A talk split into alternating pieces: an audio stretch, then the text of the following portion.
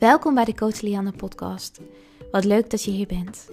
In deze podcast bespreek ik verschillende onderwerpen omtrent eetproblemen, zelfliefde, lichaamsacceptatie en zelfontwikkeling. Al met al, alles om te zorgen dat jij sterker in je schoenen komt te staan en dat jij vanuit zelfliefde en vanuit de kracht die al in jou zit, gaat leven. Ik wens je heel veel luisterplezier en als je deze podcast leuk vindt, zorg dan dat je je abonneert zodat je geen enkele aflevering van mij mist. Hi en wat leuk dat je weer luistert naar een nieuwe My Story aflevering hier op Coach Lianne. Vandaag ga ik in gesprek met Ananda. Ananda is een Nederlandse jonge meid die nu in België woont en zij heeft gestruggeld met een eetprobleem. Nog niet zo heel lang geleden heeft zij zichzelf als hersteld verklaard en ze vertelt ook in deze podcast hoe ze dit heeft gedaan. Hoe is zij nou hersteld? Wat waren haar moeilijke momenten? Wat waren haar mooie momenten?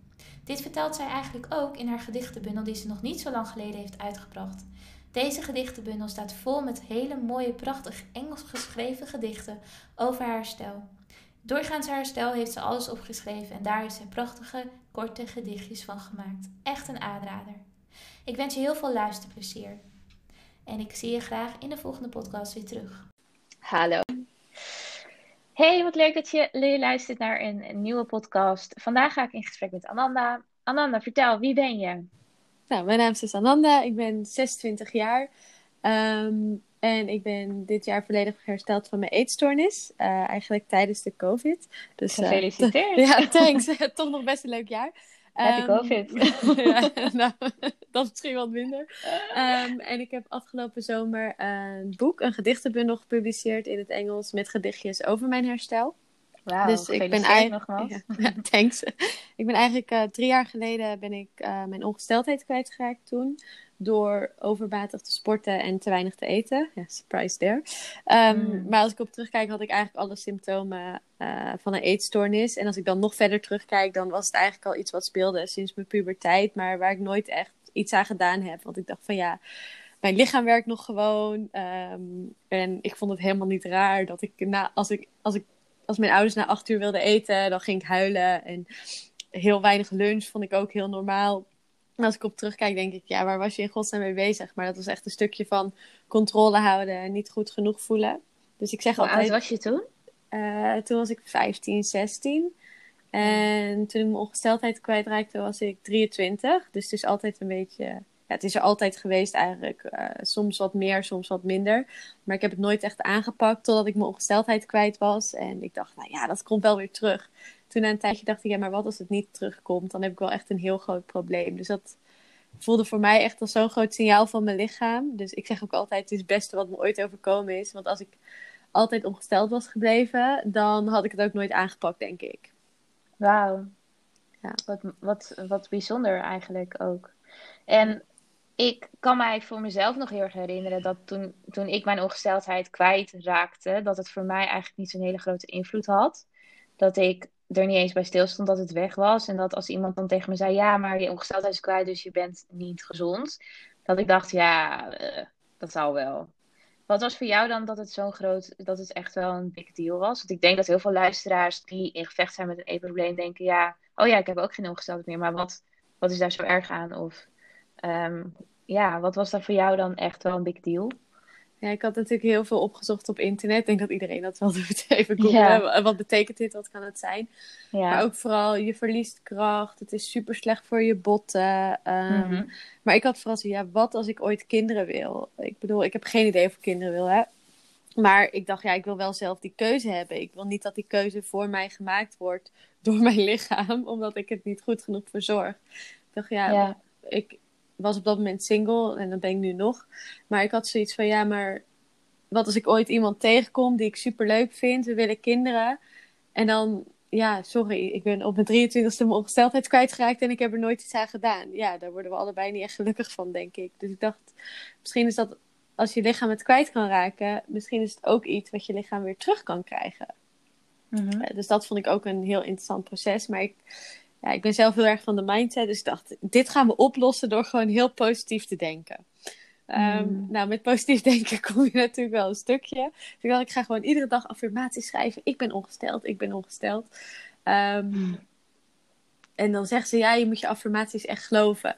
Nou, dat is natuurlijk allemaal heel erg leuk. En, en mindset is super belangrijk. Maar uiteindelijk, ja, alles wat jouw lichaam wil, is jou in leven houden.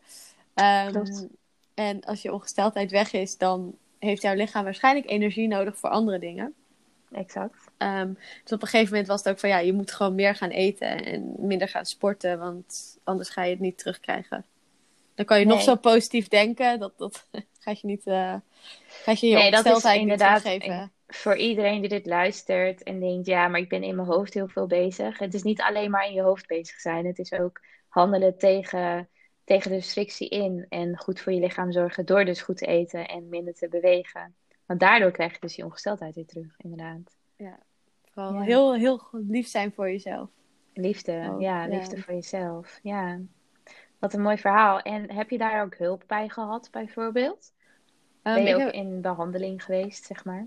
Nee, ik ben nooit in behandeling geweest. Volgens mij had jij daar gisteren een post over. Van ja, mijn eetstoornis is niet erg genoeg. Dus dat heb ik ook vaak gedacht van ja, ik ben niet in behandeling geweest. Dus het was helemaal niet zo erg. En uh, hmm. een beetje dat goed genoeg zijn. Ook, uh, ook goed genoeg zijn voor je eetstoornis. Maar ik heb wel uh, verschillende coaches gehad. Ook retreats gedaan in het buitenland. En ook meer gekeken naar energetisch werk. Want ik had zoiets van ja, ik kan wel naar de dokter gaan en de kans dat hij zegt van ja, neem de pil, dat stop. Maar dan heb je niet echt je ongesteldheid terug. Ik dacht, ik ga dit probleem niet oplossen door meer te eten of minder te sporten, want het zit veel dieper dan dat. Als je, het probleem, als je een eetstoornis zou oplossen door meer te eten, ja, dan zou iedereen binnen een paar maanden genezen zijn. En zo werkt het natuurlijk niet. Want er, zijn, er liggen daar zoveel dingen onder die je aan moet durven kijken. Ja, en daar wilde ik inderdaad ook naar vragen. Want je zei ja, als kind was ik eigenlijk, of als, als jong meisje was ik daar erg mee bezig toen ik 15, 16 was. Over controle. Uh, vertel, wat, wat, wat was het waar je eigenlijk mee in gevecht was? Ik denk heel erg met mezelf goed genoeg voelen. En ik was ook best wel een onzekere puber. Ja. Um, en in die zin ook heel erg zoeken naar ja, die controle houden. Want op sommige dingen heb je gewoon geen controle. En ik wilde mijn emoties niet voelen.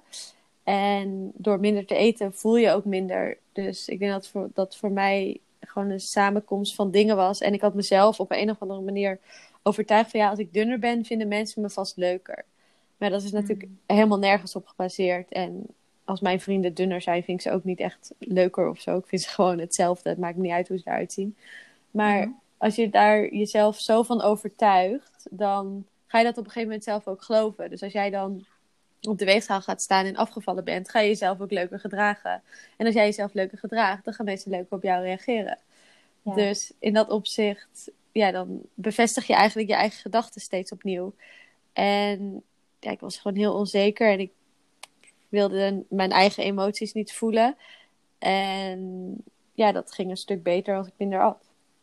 Ja. Ja, dus je weet, hè, als je minder eet, dan word je natuurlijk in een bepaalde zin een beetje afgestompt daarin. Ja. Dus je voelt minder. Ehm, ja, dus het is echt voor jou echt een schild geweest. Ja, want je, je bent alleen maar met eten bezig. En ja, heel je, je, lichaam is al, ja, je lichaam is alleen maar bezig met overleven natuurlijk. Uh, Dus je hebt niet zoveel ruimte voor andere dingen. En ja, ik, overleven maak, je, maak jij dan eigenlijk op dat moment heel erg comfortabel, toch? Hoe bedoel je? Nou ja, op het moment dus dat jij overleeft, zeg je al, dan ben ik met, alleen maar met overleven bezig. En dat voelt comfortabel, want ik hoef niet bezig te zijn met wat ik voel of wat ik denk. Ja, of met de onzekerheid of de angst die erachter zit. Ja, precies. Want dan moet je echt je eigen gevoelens gaan aankijken en ja, je, je eigen modder opruimen, zeg maar. Je moet door de modder heen. Maar ja, je voelt ook geen happy emoties, om het zo maar te zeggen. Ik weet nog dat ik aan het herstellen was en dat ik opeens dansend over straat liep. En ik dacht, huh, dit heb ik echt al in jaren niet meer gedaan. Waar komt dit opeens vandaan? Want natuurlijk, er zijn heel veel huilbuien geweest en ook vragen. Ik weet nog dat ik aan mijn moeder vroeg, ja, maar hoe eten mensen dan normaal? Eh, zeg maar, hoe ga je naar de keuken en beslis je wat je gaat eten zonder dat gepland te hebben? Hoe voel je dat dan? En ja. hoe, hoe eet je maar één stukje van een chocoladeblok of zo? Ik snapte er helemaal niks van. En nu denk ik van ja, je lichaam geeft gewoon zo duidelijk aan wat jij nodig hebt. Dat je helemaal niet hoeft af te vragen wat je wil eten of wanneer. Want dat merk je vanzelf wel op het tijdstip zelf, zeg maar. Ja, ja. Maar op dat moment is dat denk ik heel erg moeilijk om te geloven. Tenminste, uit mijn eigen ervaring dacht ik echt, ja, inderdaad, hoe doen mensen dat? En vond ik dat heel, een hele bijzondere gewaarwording om ook dat te zien, zeg maar. Ja. ja. En je zegt ook, ja, het kwam ook een beetje uit de overtuiging dat ik misschien leuker was als ik afviel. Of dat mensen mij dan leuker vonden. Ja. Is dat ook dan door een, bijvoorbeeld een bepaalde gebeurtenis gekomen dat je dacht dat je niet leuk genoeg was? Um, nee, ik ben nooit. Ik weet nog, ja, ik heb ook modellenwerk gedaan. Meestal praat ik daar niet zo heel veel over, omdat er zijn ook genoeg modellen die gewoon van zichzelf slank zijn. Maar dat speelde natuurlijk ook een rol om bepaalde maten te houden. Uh, dat, dat kan ik niet ontkennen. Um, dus ja, in die tijdschriften zie je natuurlijk ook heel veel meiden met een perfect strak lichaam. En dat wilde ik ergens ook. Mhm. En ik weet nog wel, toen ik twaalf was, toen zei ik tegen klasgenootjes, ja, wat wil je laten worden? En dan zei ik, oh, ik wil model worden. Mhm. En dan was van, ja, dat kan jij helemaal niet, weet je wel. Je bent te lelijk of ja, je bent gewoon geen modeltype. Dat ik echt iets had van, nou, watch me. Maar ja, de, als jij niet de juiste begeleiding krijgt als model, dus er zijn natuurlijk hele goede agencies die helpen je met eten en met sporten. Nou, dat is uh, natuurlijk ook weer een onderdeel waarover gediscussieerd kan worden. Maar ik heb nooit uh, die steun gehad in die zin. Dus ja, wat is het makkelijkst om af te vallen? Minder te eten. Ja. Um, dus in die zin denk ik dat dat ook zeker een rol heeft gespeeld. En ja, zeker. ook zeker toen ik mijn ongesteldheid kwijt was, toen deed ik net weer modellenwerk. Dan zeiden mensen van, goh, je bent toch wel heel erg uh, dun. En dan zei ik, ja, maar dat moet voor mijn baan, weet je. Om het een beetje als excuus te gebruiken om niet te herstellen. Dus toen ik had besloten om mijn ongesteldheid terug te krijgen, heb ik ook gezegd van, oké, dan stop ik per direct met modellenwerk. Want dat, wow. ja. Wat een, wat, een, wat een heftige keuze dan ook wel. Er zit best ja, wel veel nodig. kracht in. Ja, snap ik. Maar ook wel, er zit ook wel veel kracht in als je zegt van ja, het was voor mij eigenlijk een reden om iedereen te laten zien dat ik wel model kon worden. Dus ook een bepaald soort veersheid, denk ik. Ja. Uh, maar eigenlijk heb ik die veersheid heel erg omgezet in herstel. Dus van oké, het is nu echt klaar. Ja, ja. ja het, is, het is altijd heel erg makkelijk om te zeggen: Oké, ik geef de schuld aan het modellenwerk wat ik deed. Want ik heb vroeger ook modellenwerk gedaan. En daarin is voor mij ook wel echt eetstoornis gegroeid. Het, het, het, zat er al, maar bij mij ja. groeide het heel erg in die periode. Um, maar het is wel zo, ik weet niet of je dat onderzoek kent, maar er is vroeger natuurlijk een onderzoek gedaan, de Minnesota Starvation Studie, waarin ook eigenlijk waaruit is geconcludeerd dat op het moment dus dat je begint met diëten of minder eten, slash afvallen, dat het heel snel een obsessie wordt. Ja, die heb ik ook gezien. Ik vind dat zo'n interessante studie. Ik vind studies sowieso en het lichaam super interessant. Maar dat is zo'n duidelijke studie. Ja, waarin ook, zoveel ja. ook erkenning en ja. Ehm, en ook een beetje dat ik denk, oh, maar ik ben niet gek. ja. Het is heel normaal dat ik dat, of heel normaal. Het is, ja, het, het is niet gek dat ik hier zo mee struggle op dit moment. Ik weet niet of je de Fuck It Diet ook hebt gelezen. Die is ook mhm. echt super goed. Ja, dus voor iedereen die, die gaat er ook. Uh, Koop ook dat boek. ja. ja. En um, ben je er ook voor jezelf een beetje achter gekomen waar dan die eetstoornis jou mee hielp? ja, ik denk dat het voor mij heel veel comfort gaf. Dus als er ehm, in die zin iets gebeurde in mijn leven. En ik kan daar zelfs nog een voorbeeld van dit jaar meenemen. Uh, ik woon natuurlijk in België. Mhm. Eh, nou, wij gingen in volledige lockdown in maart. En ja, dat, dat is best wel eng, want je hele leven ligt eigenlijk gewoon stil. En ik denk zeker dat in deze periode met uh, corona best wel veel mensen extra last hebben van mentale gezondheidsproblemen, omdat je ook geen afleiding meer hebt. Mhm.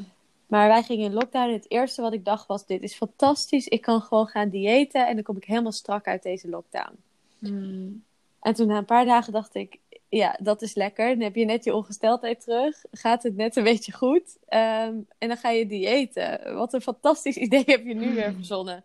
Toen dacht ik: nee, misschien moet ik deze periode, periode juist gebruiken. Ik heb geen sociale verplichtingen. Ik hoef nergens heen. En ergens zat er bij mij nog die angst van aankomen toen. Dacht, Misschien kan je deze periode gewoon gebruiken om alles te eten waar je zin in hebt en te kijken wat dat doet. En dat voelde ergens ook weer veilig, um, omdat je niemand hoefde te zien.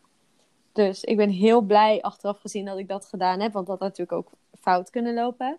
Maar ik denk voor mij die eetstoornis, als er iets gebeurde in mijn leven, een relatie ging uit. Um, want ook in, toen ik dus in 2017 op uitwisseling naar Milaan ging. En daarvoor was mijn relatie uitgegaan. Eigenlijk toen die relatie uit was, het eerste wat ik deed was diëten. Mm. En toen, als ik terugkijk, zie ik dan elke keer als ik het moeilijk had, eigenlijk, met mijn emoties of met iets wat veranderde in mijn leven, dan ging ik altijd een nieuw dieet proberen. Als een soort houvast. Want ja, dan, dan heb ik dat tenminste nog. En mijn eetregels. En dat is iets waar ik wel controle op heb. Terwijl de buitenwereld is iets waar ik geen controle op heb. Ja, ja dus het gaf je, ja, het gaf je veiligheid eigenlijk. Ja, maar het is ja, een fake veiligheid. Ja, natuurlijk. Ja, ja, ja, Het is het meest onveilige waar je in kunt zitten eigenlijk voor jezelf en voor je lichaam. Maar je brein werkt natuurlijk zo dat op het moment dat het de overtuiging heeft dat het veilig is, dan is het ook veilig. En dan op het moment dus dat je daaruit gaat stappen, dus eigenlijk iets gaat doen wat goed is voor je lichaam. Maar je brein heeft het geconcludeerd als onveilig, want dat hebben we een lange tijd natuurlijk herhaald. Ehm, dus uit je patroon stappen, dan creëert het heel veel angst. En ja. wil het eigenlijk wegrennen, terwijl juist dat hetgeen is wat je moet doen. Bijvoorbeeld chocola eten, omdat je dat eng vindt. En maar dat, heb je eng, dat heb je eng gemaakt omdat jij daar allemaal overtuigingen hebt over gecreëerd. Die misschien niet gebaseerd op, eh, zijn geweest op waarheid, maar wel gebaseerd op je eigen gevoel van veiligheid. Ja, precies. Ja. En zeg je, ja, eigenlijk toen corona begon, toen Ehm, ben ik uh, in herstel gestapt en, en nu ben ik hersteld. Ja, maar ja, ik was natuurlijk daarvoor er al wel mee bezig. Alleen, um, ik, ben, ik heb heel veel zelf gedaan. En in die zin um, heb ik misschien wat meer hulp gezocht toen. Dus ook door er met andere mensen over te praten, door met mijn verhaal naar buiten te komen. Waardoor je eigenlijk ook patronen ziet, of waardoor andere patronen bij jou zien van een eetstoornis die je misschien zelf eerst niet zag. Ja. Dus ik heb bijvoorbeeld ook uh, Senna ontmoet. En zij zag dan weer dingen waarvan ik dacht, oh, dat is best normaal. Terwijl zij zei, nee, dat is eetgestoord gedrag. Ja. Dus zo kom je er steeds verder uit. Dus dat heeft ook wel heel erg geholpen door ook juist met lotgenoten in gesprek te gaan. En juist op Instagram ook mensen zoals jou of de andere mensen die je geïnterviewd hebt in de podcast te volgen. Ja. Want dan zie je veel meer patronen en erkenning ook bij jezelf en voel je je veel minder alleen. Ja, mooi. Heel mooi. Ja, daar echt gebruik van maken. Ja. En daarvoor openstaan. En openstellen, denk ik ook wel. Want ik denk ook dat, zeg maar, hoe je brein werkt, nogmaals gaan we het daar over hebben, is natuurlijk op het moment dus dat jij iets leest, kan je het altijd wel omzetten naar je eigen waarheid of bijvoorbeeld de waarheid van, van een eetstoornis. Dat je het gaat oppikken zoals jij graag, het graag wil oppikken. Ja. Maar heb je dan bijvoorbeeld echt het besluit genomen voor jezelf? Dat je dacht, oké, het is nu echt klaar. Hier wil ik echt van af. En daar ga ik ook alles aan doen. Ja, mhm. wel heel duidelijk. Want ik had zoiets van, ja... Het was eigenlijk meer zo van, oké, een eetstoornis heb je al gehad. Je kent de uitkomst. Uh, je weet dat het je niks oplevert. Ga nu maar eens wat anders proberen. Ja, precies. En, en, en zie maar hoe dat gaat. En ergens in mijn achterhoofd zat er van, ja... Als dit niks is, kan ik altijd nog terug. Mm wat natuurlijk een soort van veilige gedachte is. Uh, daar ben ik me ook heel erg van bewust. Maar ik heb natuurlijk ook deze zomer het boek uitgebracht. En opeens stond er. Ehm, dus ik kom oorspronkelijk uit Zeeland. Stond mhm. het in alle kranten daar en online. En hier in België is het ook al in alle grote kranten geweest. En er komen nog meer dingen aan. Toen dacht ik opeens: oh wow, ik sta. Yeah. Dus, en ik, ik ben nu een verhaal over herstel aan het vertellen ja, dan moet ik het ook wel waarmaken. Ja, dus gooi je stok achter het was ook een, ja, een soort zelfsabotage. Van als ik met mijn verhaal naar buiten kom, dan kan ik ook niet meer terug. En inmiddels wil ik ook niet meer terug hoor. Maar zeker als je in het begin van je herstel zit, ja. een paar jaar geleden, ja, dan, dan wil je soms nog terug. Omdat het dus een veiligheid is die je kent. Ja, je kent het. Dat is, dat is wat, het, wat het inderdaad veilig maakt. En je, je noemt heel snel je boek. je hebt een gedichtenbundel uitgebracht, toch? Ja, klopt. En een Engelse gedichtenbundel, of heb ik dat ja. verkeerd? Ja, Engels, ja. ja. En echt over je herstel. Ja, dus die heb ik geschreven van vorig jaar zomer tot december. Dus eigenlijk zat ik er toen nog wel middenin, mm in die eetstoornis. En ja, je ziet ook die rollercoaster van emoties uh, die je doormaakt eigenlijk. Dus sommige dichten zijn heel positief. Van, oh, ik ben zo blij vandaag, ik loop dansend over straat. En sommige zijn echt van, ja, wil ik wel ongesteld worden? Of wil ik liever gewoon in mijn eetstoornis blijven? Want dat is wat ik ken. Ja. En eigenlijk altijd met als idee in mijn achterhoofd van, ja, ik wil gewoon andere meiden helpen. Of ook jongens, maar ja, ik spreek natuurlijk vanuit mijn eigen perspectief. Dus ik vind het lastig om me in te leven in mannen. Maar ik denk dat zoveel jonge meiden struggelen met hun zelfbeeld. Of goed genoeg zijn. Of niet in de weg willen lopen. Zichzelf letterlijk kleiner willen maken.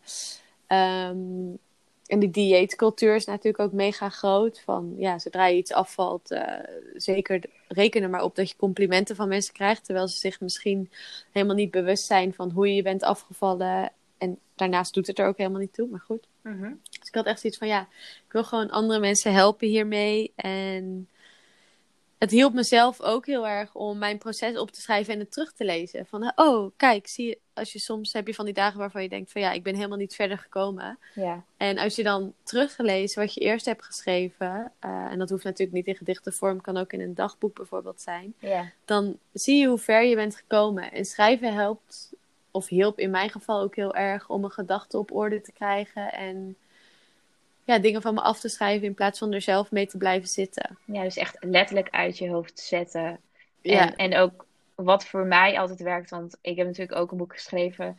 En mijn boek heb ik ook geschreven in mijn herstel. Dus het verhaal lijkt er wel een beetje op als in, het is geen gedichtenbundel, maar meer van mij hielp het ook om dat op te schrijven. Zodat het niet zo'n grote zooi meer was in mijn hoofd. Zodat ik alles een heel klein beetje kon reflecteren ook. En het was eruit en het werd de waarheid. En het gaf ontzettend veel rust, uiteindelijk. Ja, het, het helpt je inderdaad om een beetje structuur te brengen ook. En... Ja, precies. Ja, exact. Wat mooi zeg. En het heeft ook ontzettend veel gebracht. Ja, uiteindelijk. ik heb wel heel vaak moeten slikken hoor. Het is één ding om, om je familie erover te vertellen, je vrienden, oké. Ja, super kwetsbaar, zo naar de buitenwereld. ja, als er heel groot in de krant staat, nou, ik weet nog, nu weet ik inmiddels even vragen of je het artikel van tevoren mag lezen, de titel. Mhm. Maar die eerste keer, ja, ik had geen idee. En kijk, ik zeg altijd, ik heb een eetstoornis gehad, maar ik had alle symptomen van anorexia. Ja. ja dat, ik weet nog één week voordat het boek uitkwam, uh, want ik had eerst had ik er helemaal niet op staan dat het een, over een eetstoornis ging. Ik had um, dus het boek heet Poems of Recovery: A Young Girl's Path to Recovering from an Eating Disorder and Amenorrhea. Dus mm. amenorrhea is het uitblijven van je ongesteldheid. Ja. Dus ik had eerst alleen uh, amenorrhea erop staan. En toen zei mijn moeder van ja, maar mensen kennen dat niet. Maar dat voelde ergens heel veilig. Zo van ja, dan hoef ik het in ieder geval geen eetstoornis te noemen. Mm Dus uiteindelijk wel erop gezet. En toen stond er keigoot in de krant. Ananda had anorexia. En ik dacht, oh mijn god, waar heb ik mezelf nu weer in gegooid? Van, oh wat... En ja, er komen ook gewoon reacties op die minder leuk zijn. Ik bedoel, er is iemand naar mijn moeder gekomen met een foto.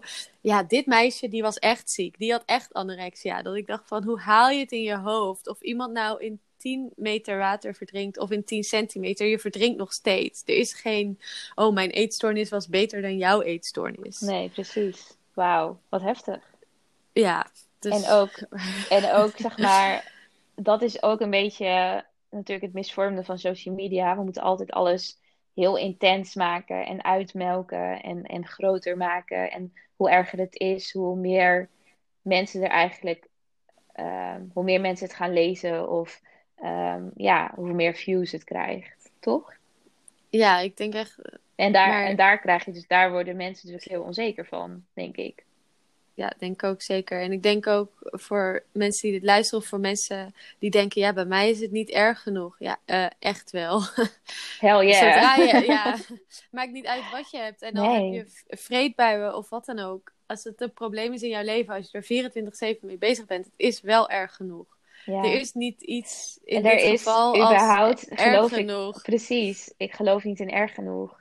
Dat, dat, nee, dat, niet. Kijk, dat is vaak ook een, een zelfsaboterende gedachte. Het is niet erg genoeg, dus ik hoef ermee niet mee aan de slag. Dus ik hoef me niet kwetsbaar op te stellen. Dus ik hoef niet eerlijk naar mezelf te zijn dat ik ergens mee gevecht ben. Of dat ik ergens moeite mee heb. Of uh, dat ik het patroon moet doorbreken. Dus heel veel angst, heel veel zelfsabotage natuurlijk. Ja, ja precies. Ja, en, en ja, net zoals wat er dan in de krant wordt gezegd, of heel veel documentaires. Ik kijk ook heel veel documentaires niet over eetstoornissen, omdat het altijd zo, zo de, de, de ernstige verhalen worden getoond. Ik denk, ja, maar daaronder zitten nog, hebben eigenlijk de grootste doelgroep eigenlijk die zich niet gehoord en gezien voelen, omdat ze denken dat ze er zo uit moeten zien, of dat ze dat verhaal moeten hebben om serieus genomen te worden. Ik denk, nee, we mogen iedereen serieus nemen. Ehm, en iedereen, iedereen is het waard om geholpen te worden. En iedereen is het waard om gelukkig te zijn met zichzelf.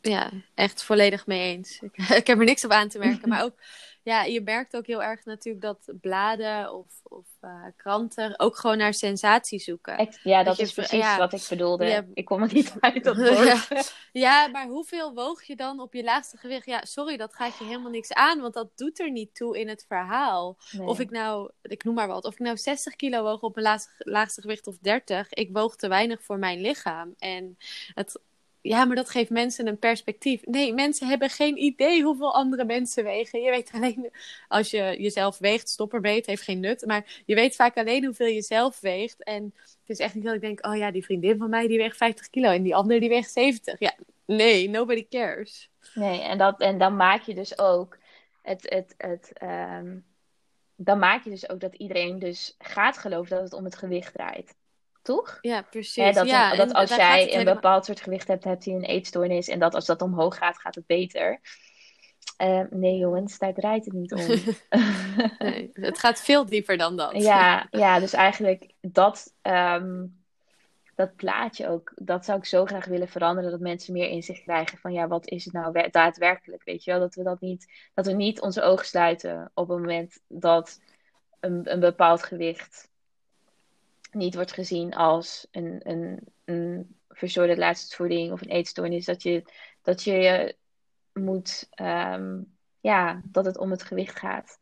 Dat is ook vaak zo dat als je in behandeling gaat bij, voor een eetprobleem bij een, ja, een zorginstelling in Nederland, dan word je wel vaak gewogen. En uit dat gewicht gaat dus blijken, ja, ben jij op dit moment in staat om behandeld te worden? Dat ik denk, ja, um, je hebt hulp gezocht, dus natuurlijk ben je in staat om behandeld te worden, snap je? Dat vind ik ook best wel heftig. Uh, ja, ik denk ook niet. Gaat, maar... Uh, ik, ik denk hetzelfde. Ik denk overal ter wereld hetzelfde. Kijk, ik snap dat gewicht in die zin belangrijk is, omdat ja, met, ook met dat uh, Minnesota Starvation Experiment. Als jouw lichaam onder voet is, dan ben je gewoon anders. Dan ga je gewoon andere dingen zien, andere dingen doen. Klopt. Maar ja, in mijn herstel, ik heb mezelf geen één keer gewogen, want daar zou ik alleen maar van teruggevallen zijn. Ja. Dus prima als jij mensen wil wegen, maar laat hun gewoon het cijfer niet weten of zo. Ja, maar ook, ja, dat ook, maar geef ze ook gewoon hulp. Ja, dat, dat ook. ook. heel erg. Zeg niet, oh nee, het is niet erg genoeg. Of, uh, hè? Dat, dat gebeurt ook letterlijk wel eens. Nee, iedereen, iedereen is het waard om hulp te krijgen. Maar, ja, helemaal mee eens. Ja, eh, hier kunnen we heel lang over praten. Maar voor iedereen, het maakt niet uit hoeveel je weegt of weet ik veel hoe dun je bent. Of dik. Het, het maakt allemaal niet uit. Het gaat erom hoe jij uh, naar jezelf kijkt, hoe je over jezelf voelt en wat voor relatie je hebt tot voeding. En of je daar de godganse dag mee bezig bent. Um, en hoe zat het eigenlijk, of hoe zit het nu met je lichaam speelt? Daar ben ik eigenlijk ook wel benieuwd naar. Hoe kijk je naar Ja, nu goed.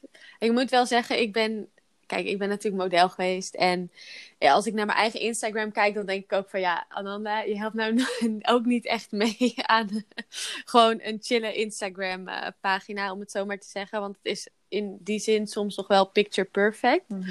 Dus dat is nog wel iets waar ik aan wil werken. Alleen als ik ochtends in de spiegel kijk of, of als ik mijn kleding aandoe, dan, ja, dan heb ik daar geen bepaalde gedachten of zo bij. Ik weet nog, deze week maandag, ik deed een jurkje aan wat ik al een tijdje niet aan had gehad. En hij zat veel strakker. Toen dacht ik, nou, hier heb ik geen zin in. Ik doe gewoon een ander jurkje aan. Dus ik liep naar beneden en ik zag mijn huisgenoot. Dus ik zei, ja, ik pas mijn jurkje niet meer. En hij zo, je weet wat je moet doen. Hm. Dus ik zo, ja, ik moet nieuwe jurkjes kopen. Zij zo, dat klopt. En je moet ze ook nog lokaal shoppen, want dan steun je de economie. Dus ik merk wel dat ik daar veel makkelijker in sta. Als iets niet meer past, ja, dan koop ik het gewoon opnieuw. Terwijl, eh, ja, een paar jaar geleden, dat, dat zou ik daar echt... Uh, meteen van in de stress zijn geschoten. Maar het is maar kleding. Je koopt gewoon nieuwe kleding. Ja, je hebt dus een mooi excuus om nieuwe kleding te kopen. Ja, precies. dus ik zit gewoon heel chill in mijn lichaam nu. En ik moet ook wel zeggen, kijk, hier kan ook bijna niks meer nu in België. Mhm. Het helpt ook wel heel erg. Je moet gewoon, je lichaam heeft veel meer rust nodig dan dat je denkt. Mhm. Ja, klopt.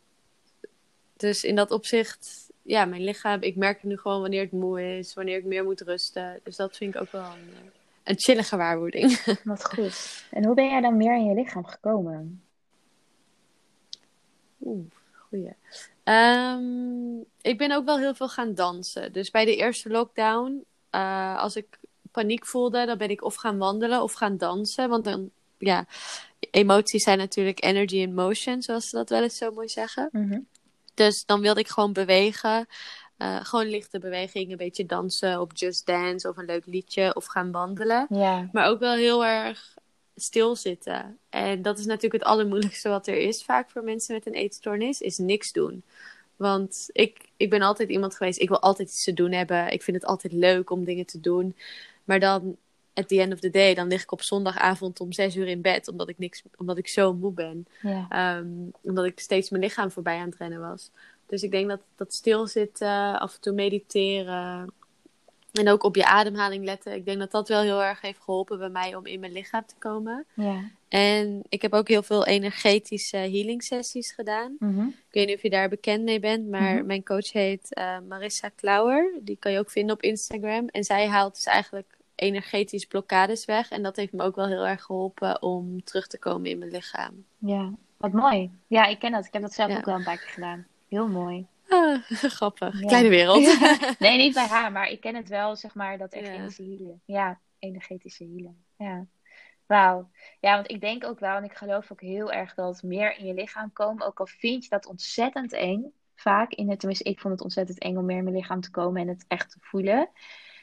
Het is echt nodig om te herstellen en Ja, om naar je lichaam te leren luisteren en om daar ook eh, meer liefde, om, om het ook meer met liefde te kunnen gaan, ehm, ja, te kunnen gaan behandelen eigenlijk en te verzorgen. ja, zeker. Ja. En wat, Maar het is ja. ook super lastig. Ik denk, Ja. ik vond het het allerlastigst om terug in mijn lichaam te komen. Want ik wilde mijn lichaam helemaal niet voelen. Ja, In die eetstoornis wil je je lichaam helemaal niet voelen. En ik moest ook in het begin mo- moest ik heel erg eraan wennen om niet constant honger te hebben. ja, Want natuurlijk, als ik aan terugdenk, dan denk ik dat klinkt toch super bizar. Want ja, je lichaam, het enige wat jouw lichaam wil is dat jij overleeft. ja, klopt. Ja, logisch dat hij dan hongersignalen uitgeeft. En je maag hoort gewoon vol te zitten. Want ja, there, there is an abundance of food. Ehm, dus dat is natuurlijk ook heel erg in je lichaam komen. Klopt. Ehm. Ja. Ja. ja, inderdaad, je lichaam is in, je brein is eigenlijk geprogrammeerd om jou in leven te houden en gaat allemaal signalen afgeven aan je lichaam om dat, ja, om dat waar te maken en om, om, om jou daarin te beschermen van, van het enige wat we willen. Dus dat is ook de reden natuurlijk waarom je ongesteldheid uitgaat op het moment. Dus dat, Ja. hè, het is alleen maar overlevingsmechanisme van je lichaam. Ja. Ja. ja. En inderdaad, ik vond het ook, ik vond het persoonlijk ook heel eng om in mijn lichaam te komen. Dat was ook in het begin eigenlijk de reden dat ik een eetstoornis had, was ook omdat ik dat heel eng vind om daar die confrontatie ook aan te gaan met mijn gevoel. Letterlijk. Ja. Heel mooi.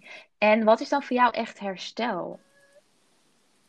Ik denk gewoon vrijheid. Ja. In die zin van, ehm, nou even een voorbeeld. Vorige week eh, zei mijn huisgenoot, weet je wat, we zitten toch thuis te werken.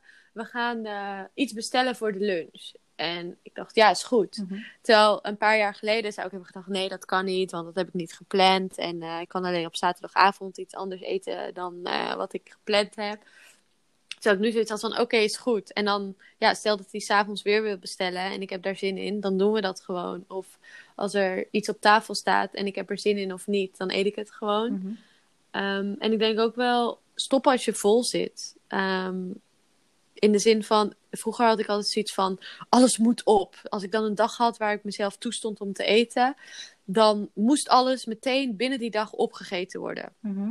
En in alle hoeveelheden maar mogelijk. En alles moest dan in die ene dag. Dus Ja. heel erg dat natuurlijk eh, één dag een vreedbui en dan maandag weer beginnen. Ja. Ehm, ik denk dat daarin besefte ik wel van, oh ja, dit is wel echt vrijheid. Of als ik echt een keer, want ik sport nog wel, want ik vind sporten gewoon super chill. Omdat voor mij helpt dat ook om mijn hoofd leeg te maken van werk. Eh, ik heb best wel een drukke baan. Dus ik vind, ja, ik vind het dan gewoon fijn om af en toe te sporten. Maar ook toegeven, als ik moe ben, ja, dan ga ik niet sporten. Dan ga ik mezelf niet mijn bed uitslepen en mijn wekker een uur eerder zetten. Uh, ik weet nog goed, na kerstdiner vorig jaar, dat ik dan mijn wekker eerder had gezet voor het volgende kerstdiner. Om nog even twee uur een hittraining te doen. En daarna ben ik nog 20 kilometer gelopen naar mijn tante voor het kerstdiner. Mm. Ja, sorry, dat is te bizar voor woorden. Het is kerst. Chill gewoon. Mm. Uh, dus ik denk daarin de vrijheid wel heel erg. Mooi. Ja, ja. ja dat is precies ook hoe ik dat voel. Vrijheid. Um, en, en dat stukje, wat, je ook, wat ik ook heel mooi vond, was je, wat je zei, was dat geluk weer kunnen voelen.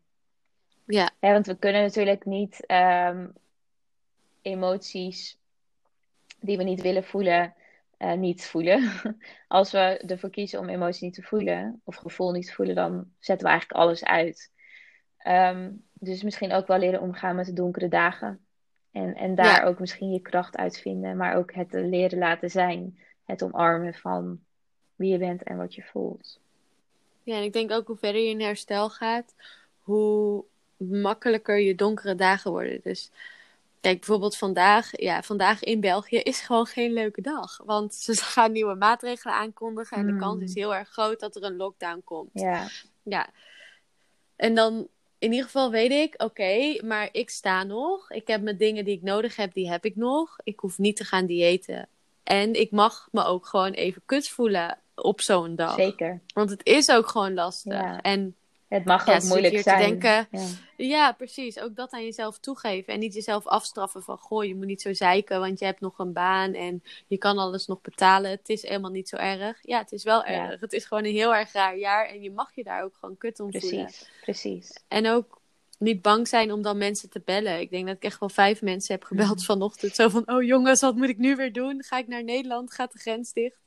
Uh, dus ook dat heel erg aan, je aan jezelf toegeven. Ja, omarmen. En het, en het niet afwijzen van ik mag dit niet voelen. Nee, alles wat je voelt is eigenlijk gewoon legitiem. Dat is oké. Het mag. Ja, en dat is ook denk ik wel een tip voor iedereen die dit luistert, die ook moeite heeft met alle regels die er nu zijn, of die er misschien ook bij ons nog komen. Ik heb geen idee. Het is oké. Het is oké wat je voelt en het is oké om bang te zijn. Ja, het is heel normaal. Het is een heel erg uniek jaar. Dus uh, ja. Ja, ook voor jou best wel some credit. groot, groot um, grote ups en downs, zoals in corona, is natuurlijk best wel een dingetje. Maar je hebt wel je boek uitgegeven en daarin ook heel veel mooie dingen kunnen creëren ook. Ja, het, het, ik moet ook wel zeggen dat het ook wel helpt. Omdat ik zoiets heb van ja, het is natuurlijk uitgekomen. Um, het heeft best wel wat uh, publicaties gehad, ook in België en in Nederland. En er komen nog wat dingen aan. Mhm. En dat helpt ook wel om te zeggen van kijk, het is toch gelukt. En nu kan je er misschien andere mensen mee helpen. Maar ook tegelijk aan jezelf toegeven van ook al, misschien zou jij dat ook wel hebben. Ook al volgen mensen je op Instagram om die reden. Of ook al kijken mensen misschien naar, goh, hoe gaat het nu met diegene? Ja. Ook aan jezelf durven toegeven van, oké, mensen kijken misschien wel van, oh, je bent hersteld. Maar dat betekent niet dat je geen kutdagen mag hebben. Zeker niet. Um, nee, nee. Je bent ook nog gewoon mens. Exact oh, je bent hersteld. En ik dacht altijd, oh, als ik hersteld ben, heb ik opeens een diploma. En dan is het allemaal leuk en aardig. Nee, uh, je leven gaat gewoon door. En er is geen bepaalde dag dat je denkt, oh, nu ben ik hersteld. En nu heb ik een diploma en nu is alles mooi en alles bloemetjes. Nee, dat, dat is helaas niet zo. Maar het is wel veel beter dan in een eetstoornis zitten. Dat sowieso. Precies. En herstel wil niet zeggen dat je nooit meer getriggerd wordt of dat er nooit meer nee. kutdagen zijn of dat je nooit meer donkere dagen hebt. Of het is juist leren omgaan met dit soort dagen door niet jezelf te pijnigen, maar jezelf met liefde te behandelen. Zo zie ik dat eigenlijk.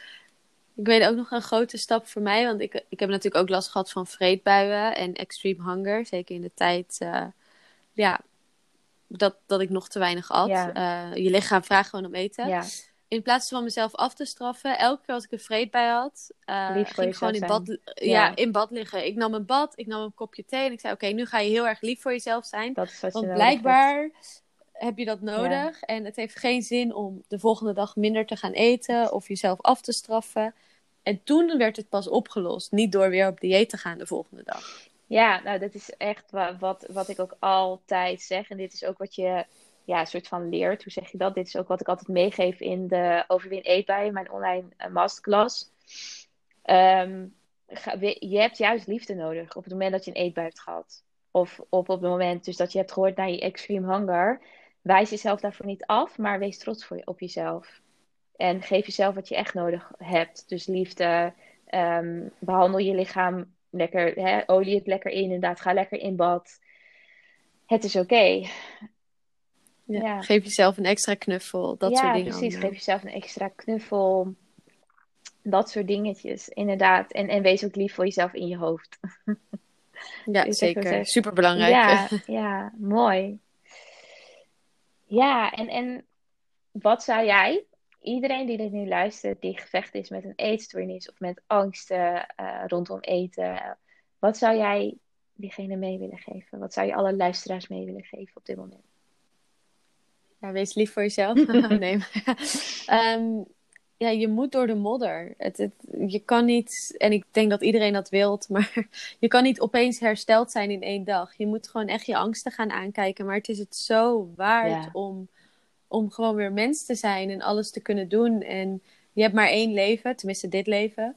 En je wil ook niet terugkijken op je leven en denken: Goh, ik heb al, al mijn etentjes geskipt, maar ik had wel uh, mijn hele leven een sixpack. Ja, nee, daar wordt niemand gelukkig van.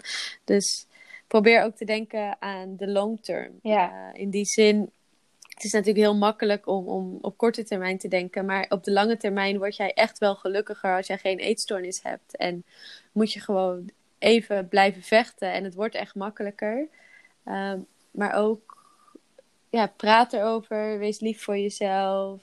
Um, en ga er wel tegen in. Elke keer dat jij tegen je eetstoornis ingaat, wordt het weer een beetje makkelijker. En kom je weer een stukje dichter bij jezelf. Ja. Mooi. Heel mooi. Ja. Was het, is dat ook wat je tegen jezelf zou willen zeggen toen jij nog heel erg in gevecht was? Ja, ik, als ik daarop terugkijk soms, dan denk ik, ja, wees gewoon wat liever voor jezelf en je bent goed genoeg. En ook waarom was je zo bang voor bepaalde dingen? Mhm. Bijvoorbeeld die, die angst om aan te komen zit er bij heel veel mensen in. En, en dat was zeker ook bij mij het geval. Ehm, nou, ik ben aangekomen. Oké, is de wereld vergaan? Zeker niet. Voel ik me beter? Zeker wel. Ehm, en vind ik mijn lichaam nu heel lelijk? Ook niet, nee. Dus ook, ga gewoon naar die angst toe. En kijk wat het je wil vertellen. En... Ja, precies. Mooi. Probeer het gewoon. Ja, het is mooi ook inderdaad. Dat zeg ik ook heel vaak tegen cliënten. Oké, laten we samen naar die angst toe gaan. En kijken wat een angst probeert iets te vertellen. Dus wat wil deze vertellen? Of wat is de kern van die angst? Wat zit erachter? Ja. ja. en je hoeft het niet alleen te doen ook, denk ik. Dat is ook wel mooi. Ja.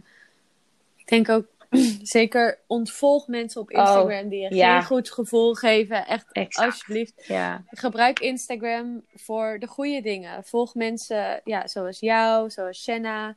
En ja, body positive en eetstoornis herstelde. Waar je wel iets aan hebt, waar je wel iets uit kan halen. Want anders blijf je in dat cirkeltje zitten en dan ga je er niet uitkomen. Echt. Ja. Blijf proberen, schrijf dingen op. Precies, en er is niet een, een, een er is niet een perfect pad wat je hoeft te belopen als het gaat om herstel. En het is ook, iedereen heeft zo zijn eigen pad. Iedereen doet het anders. Iedereen heeft andere ehm, doelen of heeft andere, ja, ja, heeft een andere manier. En dat is helemaal oké. Als je het wel elke dag doet. Als je wel elke dag jezelf daarin uitdaagt. En ik denk ook als je hulp zoekt, kijk welke hulp bij jou past. Er, er is geen one size fits all. En ik denk dat hulp zoeken wel belangrijk is. Zeker omdat die mensen je een stapje verder kunnen helpen of dingen kunnen aantonen die jij misschien nog niet ziet of niet wil zien.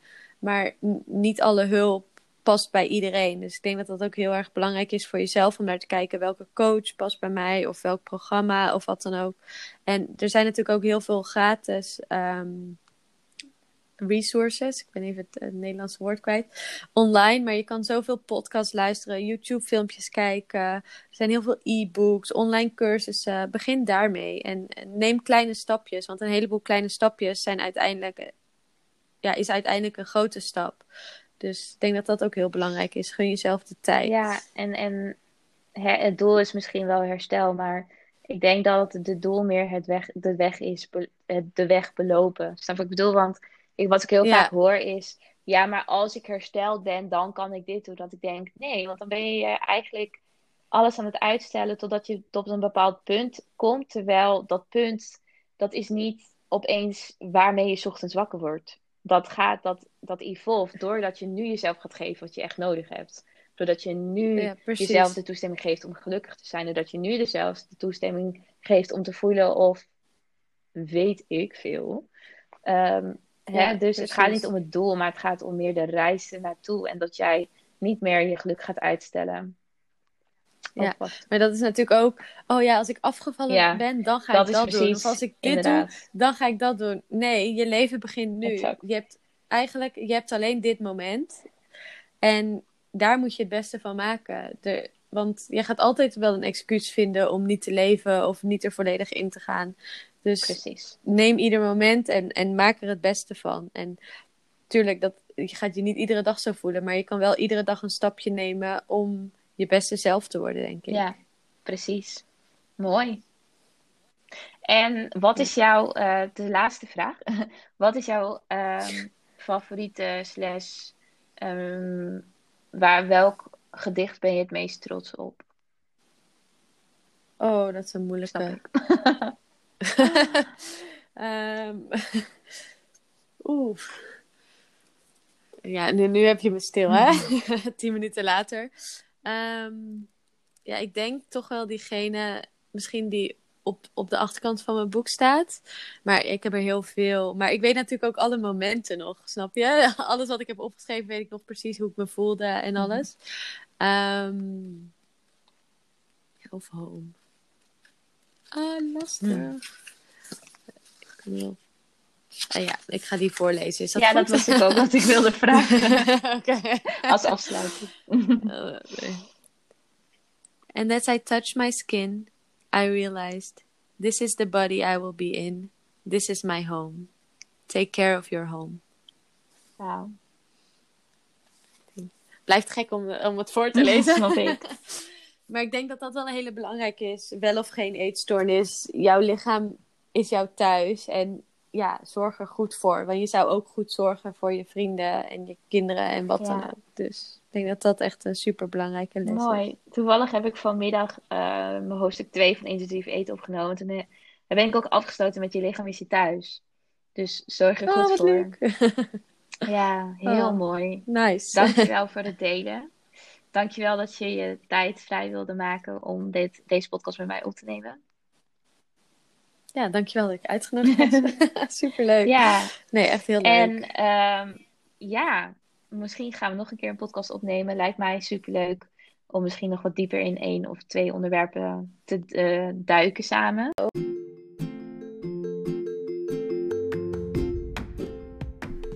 Ik wil je nogmaals bedanken voor het luisteren naar deze podcast. Mocht je nou fan zijn van deze podcast en dit willen delen met je vrienden, zou ik dat super fijn vinden door dit te doen op social media. Zodat we nog meer awareness kunnen creëren rondom een verstoorde relatie tot voeding, sporten en je lichaam speelt. Hoe meer, hoe beter. Daarnaast, mocht je interesse hebben in mijn boek, de online cursus of één op één coaching, ga dan even naar www.coachlianne.nl voor meer informatie. En daar kun je ook het contactformulier invullen en dan kom ik zo snel mogelijk bij je terug.